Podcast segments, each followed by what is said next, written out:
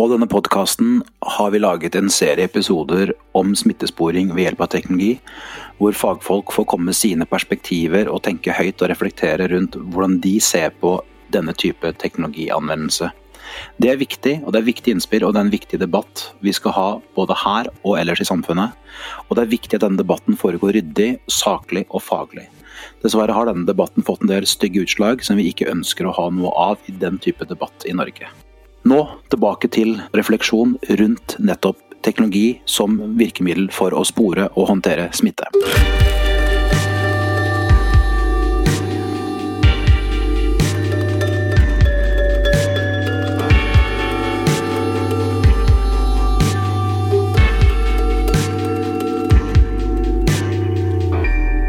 Waterhouse, en podkast fra Rebel. Da skal vi ønske velkommen til en ny episode av eh, Waterhouse, en podkast fra Rebel. Vi skal eh, holde oss til det vi har snakket om de siste dagene, som er eh, denne smittesporingsappen som vi har fått også i Norge, i likhet med mange andre land.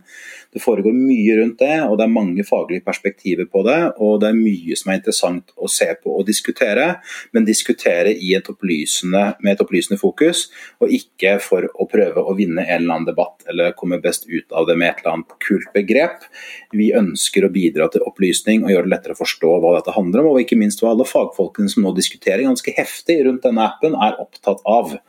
Det er eh, som sagt mye med den. Det mest synlige er det som går på personvern og sikkerhet, og skal vi overlate til staten å vite hvor vi befinner oss. Men det er også veldig mange andre aspekter som er viktig med denne appen. Derfor har vi fått med oss eh, Anja Schönhaug, som jobber i Netlife, eh, for å diskutere et viktig aspekt ved det. Det skal vi komme tilbake til Meg. Men først, Anja, hvem er du, og hva gjør du? Jeg jobber i Netlife, eh, som er et byrå som lager digitale løsninger. og Der er jobben min å passe på at det som skjer på internett, inn i appen din eller i nettleseren din, det er litt lettere å forstå. Ikke bare med interaksjonsdesign, altså UX eller brukervennlighet, men også med tekst bilder, sånne ting. Pluss at jeg passer på at de i Netlife de deler den kunnskapen de har, med alle. Ja, men, og Der sier du altså UX og og interaksjonsdesign og sånne ting. Og det handler jo da om altså UX er user experience. ikke sant? Også opplevelsen vi har når vi bruker noe, om det er eh, en, som du sa, om det er en app eller en nettside, eller for den del, så kan man tenke det i vid forstand. Men, altså, men poenget er hvordan er det for oss som bruker å møte teknologien? Og møte det noen har laget og ønsker at vi skal lykkes med, da, fortrinnsvis. Og Det er noe av det som, som vi er veldig opptatt av på denne podkasten, møte mellom menneske og teknologi, og hvordan det skal gå bra. Og, og, Det bringer oss jo da veldig sånn kjapt og fort over da, på denne, denne smittesporingsappen, altså for at dette skal gå bra. Uh, det er jo uh, mye som skal lykkes i en sånn prosess. Uh, fra første idé til suksess med kake på kontoret om noen måneder osv. Men, men hvis vi skal nærme oss denne, hvis vi starter litt sånn overordna. Du har jo fått med deg lansering, du har sikkert fått med deg mange av debattene og diskusjonene og gjort deg noen tanker om dette. og det er jo Noe av det spesielle med denne appen, er jo, i, sånn, tillegg til at man skal spore dine og mine bevegelser, er jo at man forsøker å nå hele befolkningen. Ja, eh, for hvis vi skal lykkes med dette, så er jo en av de aller viktigste forutsetningene er at mange tar appen i bruk. Eh, at veldig mange tar appen i bruk. altså At de laster ned, at de får registrert seg, at de får aktivert appen. Eh, og at den er med dem i telefonen deres hele tiden. Eh, og det krever jo litt. Og det krever mer enn en sikkerhet eller dugnadsfølelse. Det krever at det faktisk lar seg gjøre for dem å bruke den, at de får det til. Eh, at de kommer seg gjennom alle de stegene de trenger, at de skjønner at den virker, at de har tillit til den, at de føler tillit til den som har laga appen. Eh, og at de på en måte eh, får en trygghet på at dette er verdt å gjøre, og det virker når jeg gjør det. Så det er mange aspekter der som må til for at det skal lykkes. 60% er jo et tall jeg hører ganske ofte når folk snakker om hvor mange i Norge som må ha den appen for at dette skal være så effektivt som vi håper, så er det 60% av de som har, eller av befolkningen, som jo er litt flere av de som har smarttelefon. Det er rundt 95% av oss som har smarttelefon, så det er et godt valg i Norge å lage en app. Det er veldig mange som har smarttelefon.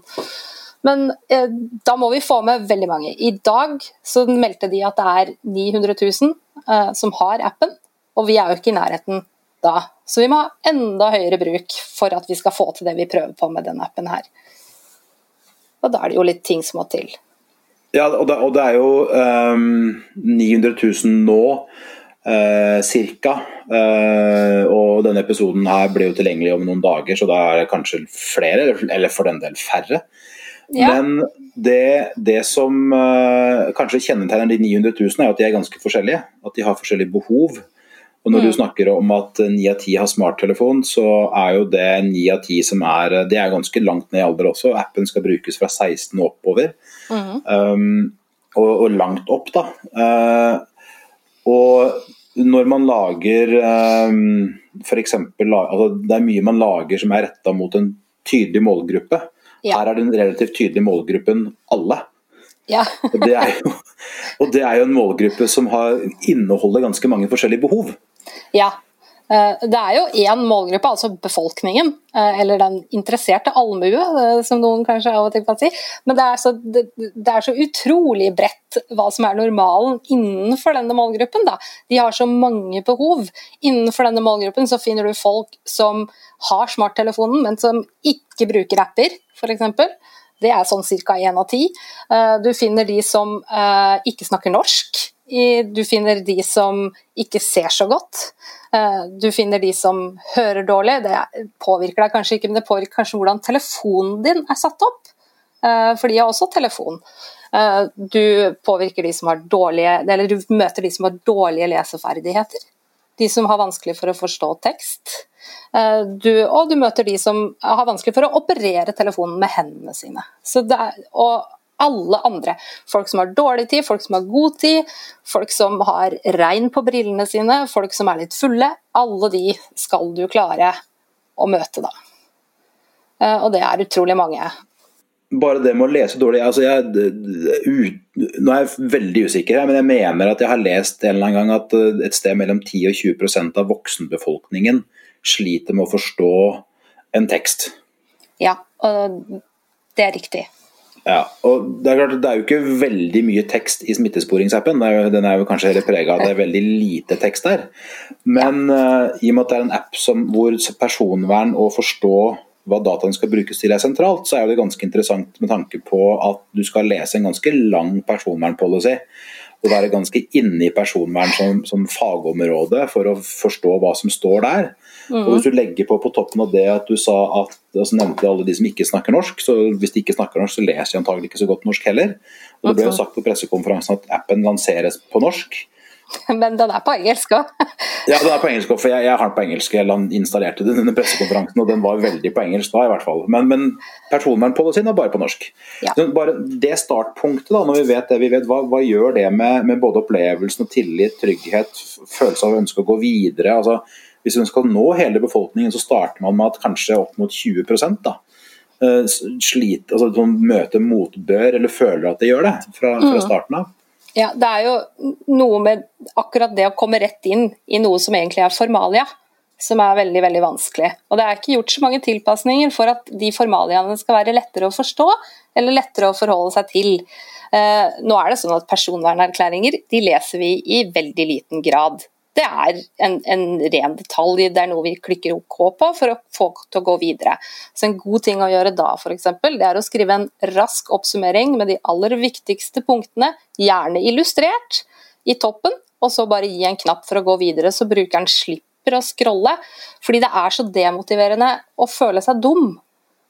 Hvis du kommer liksom en bitte bitte liten vei ned, og du skjønner altså ingenting av hva er dette, hva er det som kommer til å skje med mine data. Uh, må jeg gjøre, Er det noe jeg gjør galt? Får jeg installert appen hvis jeg ikke forstår dette her? Det er, skaper veldig stor usikkerhet. Så bare legg den knappen mye høyere opp, og la folk godta uten å lese hele. Det er gode tradisjoner for det, altså. Men, men det er ikke poenget da, og det tenker jeg at det er sånn kanskje et godt eksempel på et av de mange dilemmaene man møter på underveis her. fordi uh, Etter personopplysningsloven så skal du jo vite at den som har samtykket, faktisk har forstått hva man har samtykket til. Ja. Og Da er ikke det et lurt triks da å passe på at de må scrolle gjennom all teksten i hvert fall lese, og lese den før de får lov til å samtykke? Ja, det blir jo et slags symbolsk en, en rent symbolsk handling. Da. At du scroller deg gjennom veldig mye tekst du ikke skjønner for å trykke på OK, det du forstår nederst. Det står også i personvernlovgivningen at du faktisk er forpliktet til å tilgjengeliggjøre den informasjonen på en forståelig måte for brukerne dine. Eh, så da kan man jo kanskje gjøre noen avveininger. Hvordan kan du være korrekt, og hvordan kan du gi brukeren informasjon om akkurat hva som kommer til å skje, uten at du bruker de juridiske formaliene for å gjøre det. Det er fullt mulig. Ja, for det, det, du, det du, sier er altså at, sånn som jeg forstår at det, det, man skal gjøre her, det er å bruke et språk som gir brukeren den informasjonen brukeren skal ha. Ja. Og så kan du spare det juridiske og, og alt det til, eh, til, den som er interessert i jussen i det, eller som kan forstå jussen i det. Mm. Um, for det er, det er, viktig da at man forstår, men samtidig at man, at man, også kan dokumentere at man gjør det man skal, og ikke med dataene. Mm. Eh, det er jo to behov her. De har behov for å dokumentere at de har satt seg inn i dette, og at det er trygt og at det er sikkert, og at de valgene de har tatt er riktige. Og hvis det kommer en advokat og sier sånn, men dette har dere ikke lov til, det er jo den berømte formålsutglidningen som er blitt diskutert, altså at noen bruker persondata til noe annet enn det de sier at de skal bruke det til. Som, som man skal passe på, men jeg som bruker, eller mammaen min, trenger ikke sette seg inn i alt det juridiske. Vi trenger bare forstå når jeg sier ja her, hva skjer? Og det er veldig sånn viktig. Ja. Ikke sant? At du har på en måte sånn type Her er kortversjonen av det som skjer. Trykk her for å mm. godkjenne. Hvis du, er, eh, hvis du, er, jurist og har tenkt å bruke kvelden din på å, å, prøve å ta dem på noe, så kan du klikke her for å lese det virkelig grundig, virkelig alt sammen. Ja, hvis du er bare litt over middels interessert, så trykker du heller her, og så får du mer av detaljene, men du, du trenger ikke lese alle lovhenvisningene og alt med liten skrift, fordi at her står det du virkelig trenger. Så altså, man kan faktisk tilpasse seg til brukerne. Ja, det kan man absolutt gjøre. Uh, og det tror jeg at man tjener mye på. Man slipper at folk faller fra fordi de ikke skjønner om, om er det lurt å gå med på dette, uh, eller er, er, dette noe som er relevant for meg? Veldig mange føler at personvernerklæringer er helt irrelevante for dem. At dette påvirker ikke meg på noen måte. Jeg trykker OK, jeg. Også. så det er jo noen som har sagt at hvis du har lyst til å være virkelig ond, så skal du være veldig, veldig veldig kjedelig. Uh, og det er jo litt sånn som personvernerklæringer kan være, særlig fra litt sånn tech-giganter. Sånn tror ikke jeg at staten Norge er. Men da trenger vi heller ikke å, å liste opp for alle at uh, her er liksom paragrafer, og her er ditt, og her er datt, og formålet Bare si hva dere skal. Si hva jeg gir fra meg, og la meg gå videre. Mm. Ja, ok, så, så går du videre. Og hva ja. skjer da? Eh, jo da. Er, du er liksom, da har du vunnet over personvernerklæringen, du har funnet yes. dette knappen å trykke på. Livet en, kan fort bli en fest. Hva er neste steget her? Hva, hva skjer da? Jo, da må du jo prøve å registrere deg, da, sånn at den vet at det er du som bruker denne appen her. Eh, at det er deg. Eh, for hvis vi både skal spore bevegelsesmønstre, og at vi skal vite at å ja, men Anja og Torgeir de var på samme sted en stund. Og da må vi, Hvis Anja blir syk, så må vi si fra til Torgeir. For det er jo også viktig, et viktig aspekt i denne appen her. Så da må de jo ha telefonnummeret mitt og telefonnummeret ditt, og vi må ha appen begge to. Da må vi putte inn telefonnummeret vårt, og vi må prøve å registrere oss. og For at det skal være sikkert, så må vi da også få en tekstmelding tilbake og taste inn en kode og gå videre.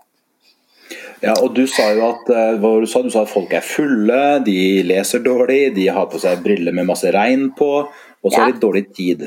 Og, det, ja. og, da skal vi ha et så lite sånn vindu som mulig å trykke på, ikke sant? Mm, ja, bitte, bitte lite klikkefelt helst. Uh, nei, ja. det er fint om de får ta litt plass, de feltene. At de får bruke den plassen du trenger. Uh, og at du får lov til å, å, bruke den informasjonen du antagelig har lagra i nettleseren din eller i, i, mobiltelefonen din, til å fylle ut de ferdig, for det husker nok mobiltelefonen din hva, uh, hva nummeret ditt er.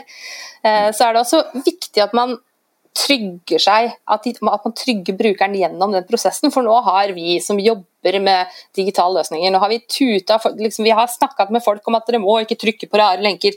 Det har vi gjort om igjen og om igjen og om igjen. og om igjen.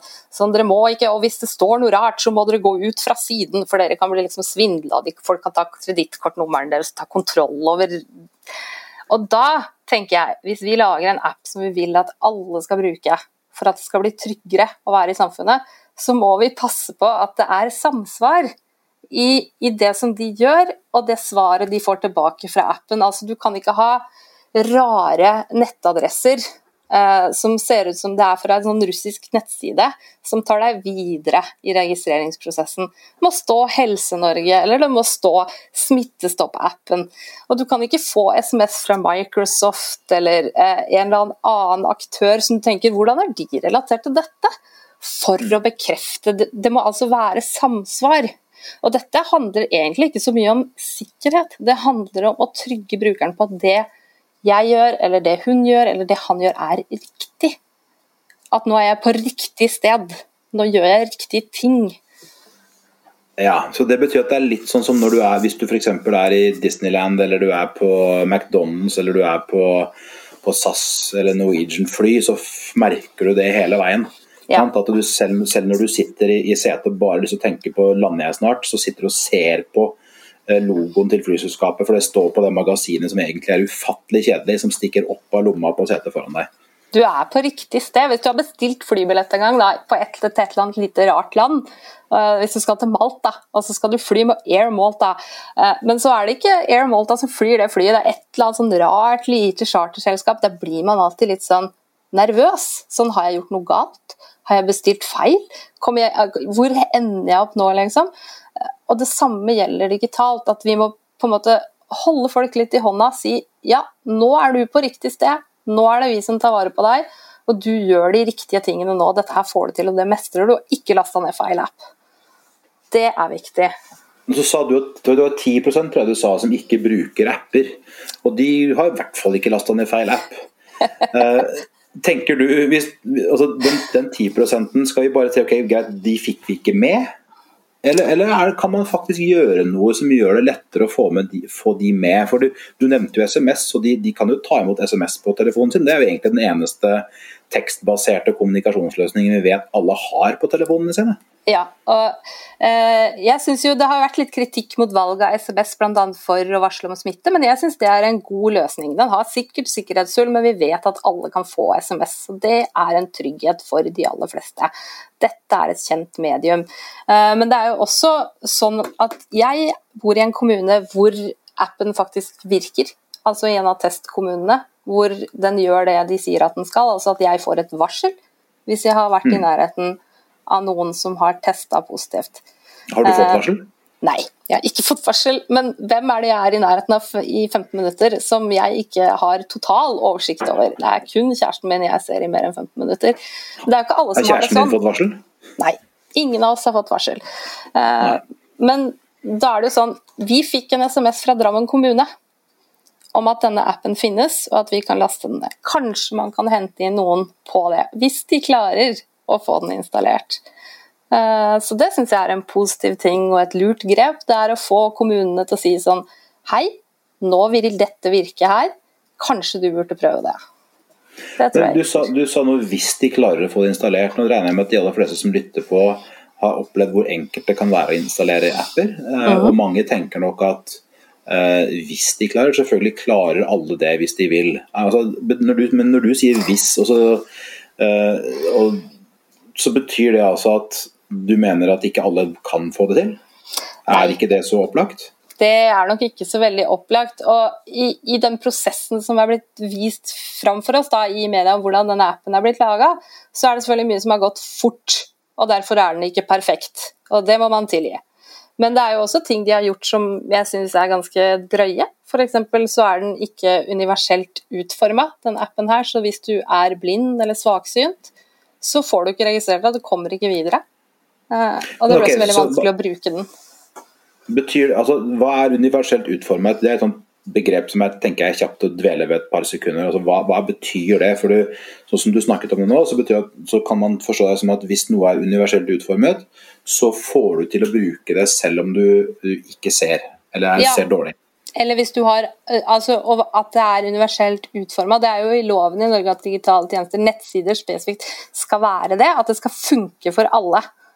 Og det er ikke bare sånn at det gjelder staten, det gjelder alle i Norge. Må ha digitale tjenester som alle kan bruke.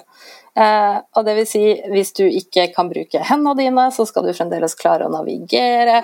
Hvis du ikke ser, så skal du klare å bruke eh, apper og nettsteder. Eh, hvis du har rullestol, så skal du klare å komme rundt et hushjørne og komme inn på et bad og komme opp i andre etasje og ned igjen. Alt det er universell utforming. Det handler om at vi skal ha like vilkår i samfunnet, også det digitale samfunnet. Uansett om vi eh, hører, ser, går, ikke. Og betyr det Da også, da skal man følge en del sånn fellesprinsipper for hvordan ting fungerer og, og hva man skal kunne forvente. Mm. Uh, men, men, vil det gjøre det like, vil det bety at da kan alle få til å installere? Eller er det Nei. andre aspekter ved det også?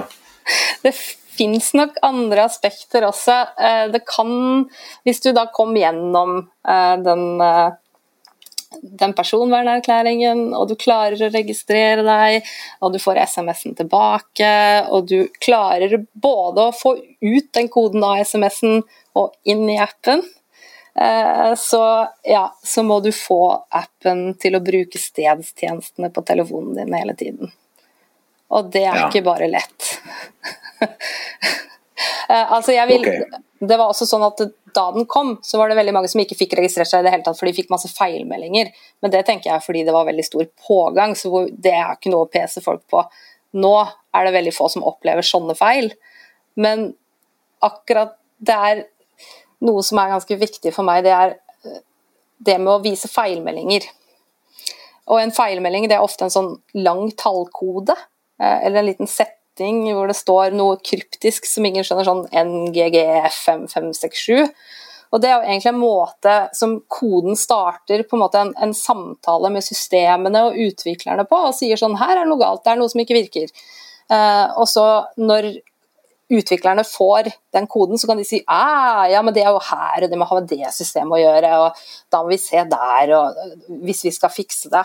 Men det er jo en samtale som brukeren ikke trenger å være med på. Brukeren trenger ikke vite at å ja, det er denne feilen. Brukeren trenger å vite hvordan fikser jeg dette? Altså de trenger mm. hjelp.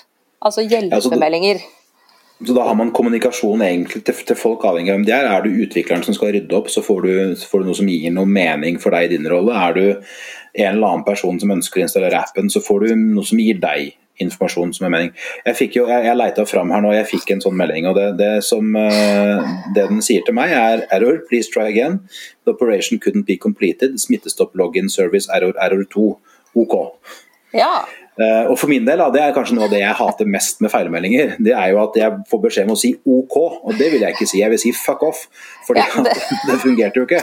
Så, så, så, det tenker jeg er noe som sånn generelt av alle som lager løsninger, kan som har litt mer forståelse for frustrasjonen en feilmelding skaper, og ikke tvinge meg til å si OK, for jeg syns ikke det er OK. Nei. Men men som du sier, dette er jo ting som er til underveis, og det er noe av det jeg syns er ganske spennende med den appen. her, er nemlig at eh, Den, den blir jo utvikla i et tempo og i et, en kontekst eh, med noe behov og med noen bakenforliggende årsaker og noen målsetninger som, hvor alt sammen er utenfor det det pleier å være. Og Som du sier, så, så, så, kan det da være at det skjer ting underveis som man normalt ville hatt en helt annen toleransegrense for enn mm. det vi har akkurat nå.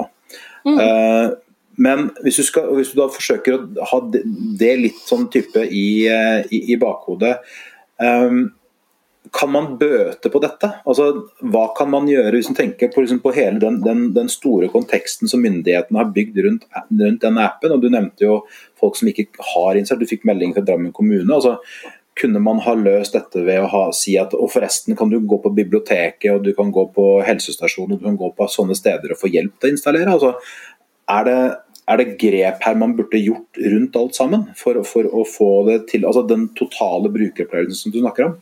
Mm, ja, det er jo noen grep man kan gjøre. Er, man kan jo designe opp feilmeldinger sånn at folk får en bedre opplevelse fra nå av. Altså hjelpemeldinger, det er det første man kunne gjort, men det er også noe med kommunikasjonen rundt som man burde gjort. Og ensrette den litt mer. Eh, vi får ofte veldig sånn motstridende beskjeder om hva den appen gjør og ikke gjør, og hvordan skal vi gjøre det. og Bruker den mye batteri eller bruker den lite batteri? Så bare prøve å ensrette den kommunikasjonen litt og brife folk hva du skal si om den appen her. da. Hvis du er Erna og skal ut og sånn Nå har vi fått flott ny smittestopp-app, og nå er det gjort det og det, så må man få ordentlig beskjed om ikke si det, for det er ikke riktig. Si det som er riktig. Og så kan man selvfølgelig sette i gang sånn at uh, de, det finnes masse frivillig aktivitet i kommuner og sånne ting, så de får beskjed om hvordan kan du hjelpe noen litt på avstand med å få dette inn på smarttelefonen. Nå vil ikke folk ta på hverandres smarttelefoner, for de er jo bomber av bakterier og berøring. Eh, men det går jo kanskje an å stille seg litt unna og vise på en iPad eller et en stort nettbrett som tilsvarer det som den personen som prøver å installere har. Altså Det finnes masse ting man kan gjøre. Og Send SMS, send eh, lenker til videoer. send Hvis folk liker å få brosjyrer, så hvorfor ikke sende dem brosjyre hvis de er 93 år gamle? liksom? Møt dem der de er. Du, jeg så for meg nå når du fortalte altså at folk gikk rundt i gatene med flanerografer, store flanerografer på hjul, og sto utenfor leilighetsbygg og flytta rundt på disse tingene og lærte folk hvordan de skulle vise folk da, hvordan de skulle installere og få ting til å fungere. Kanskje det hadde vært litt gøy, til og med? Det måtte opplagt ha vært veldig, veldig gøy.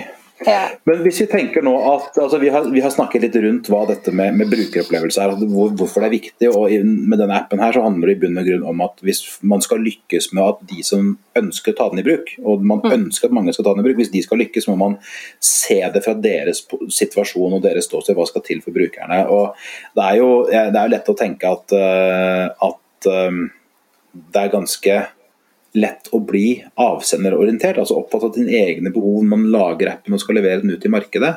Mm. Og Det er kanskje noe av det som, som, gitt den korte tiden, da, har vært noe av det som har skjedd her. Mm. Um, men hvis vi nå tenker oss at uh, du Anja, du er nå altså nei, nå, er det, nå, nå neste gang du går på jobb, dvs. Si, eh, neste morgen. Du, du, møter ikke opp der du pleier. Du går nå inn dørene på Folkehelseinstituttet, som, som jo eier den appen og som ønsker at mange av oss skal bruke den. Mm. Og du, bare, du går bort til det første skrivebordet du ser, og så bare skuffer du alt ned fra bordet og sier at nå, nå skal vi gjøre noe greier her.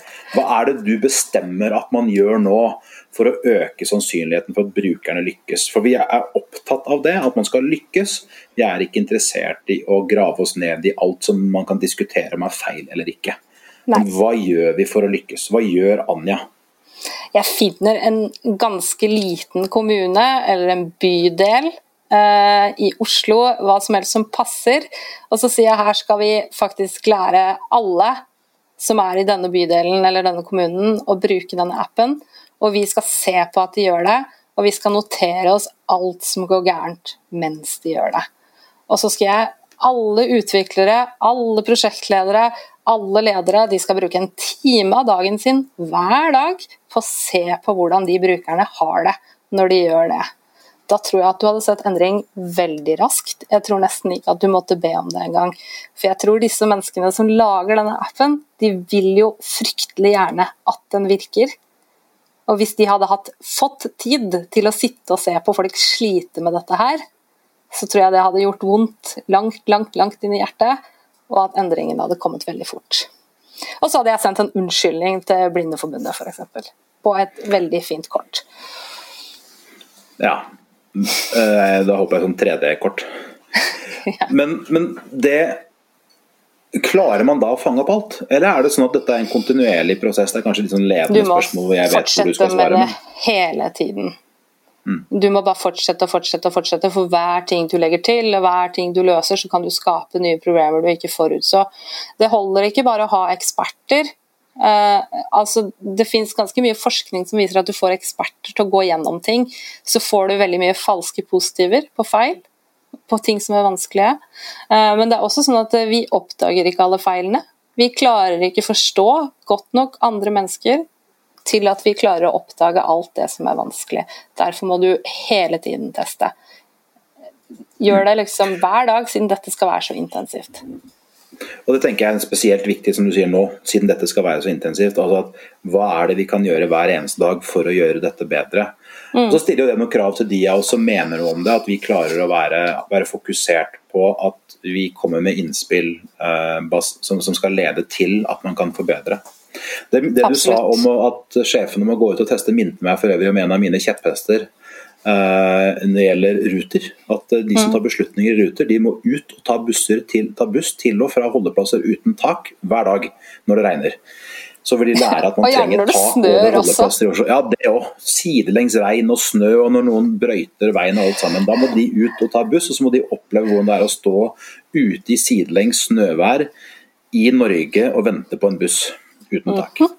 Det syns jeg. Eh, ja, ikke sant? Og Det kan kanskje være litt det som er greia, og inn i hva er brukerens behov. Fordi Det er jo lett å tenke at man, at man lager appen for Folkehelseinstituttet, men det gjør man jo ikke. Man lager jo appen for menneskene som er her, og som Ja. utgjør samfunnet. Sånn at Folkehelseinstituttet kan hjelpe til, så vi får redusert smitten.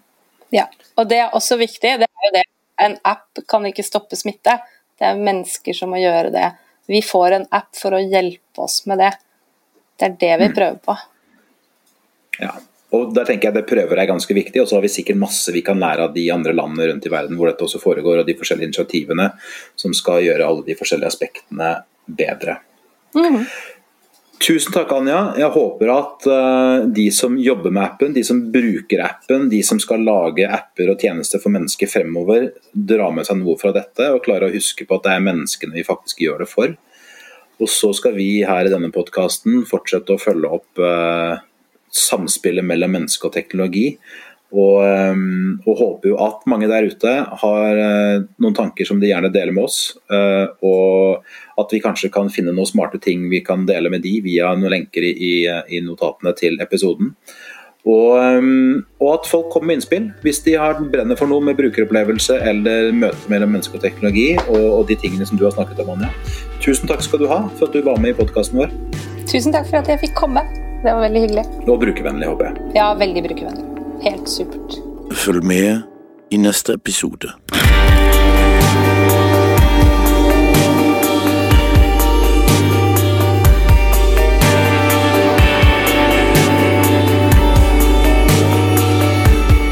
Takk for at du hørte på podkasten Waterhouse. Vi kommer tilbake. Vi skal lage mange flere episoder med mennesker som har tanker om og følelser for og visjoner om hva vi skal få til med teknologi. Vi skal snakke med de som har greie på teknologi, og de som skal hjelpe oss å forstå hva dette innebærer. Watch Your House, en podkast fra Rebel.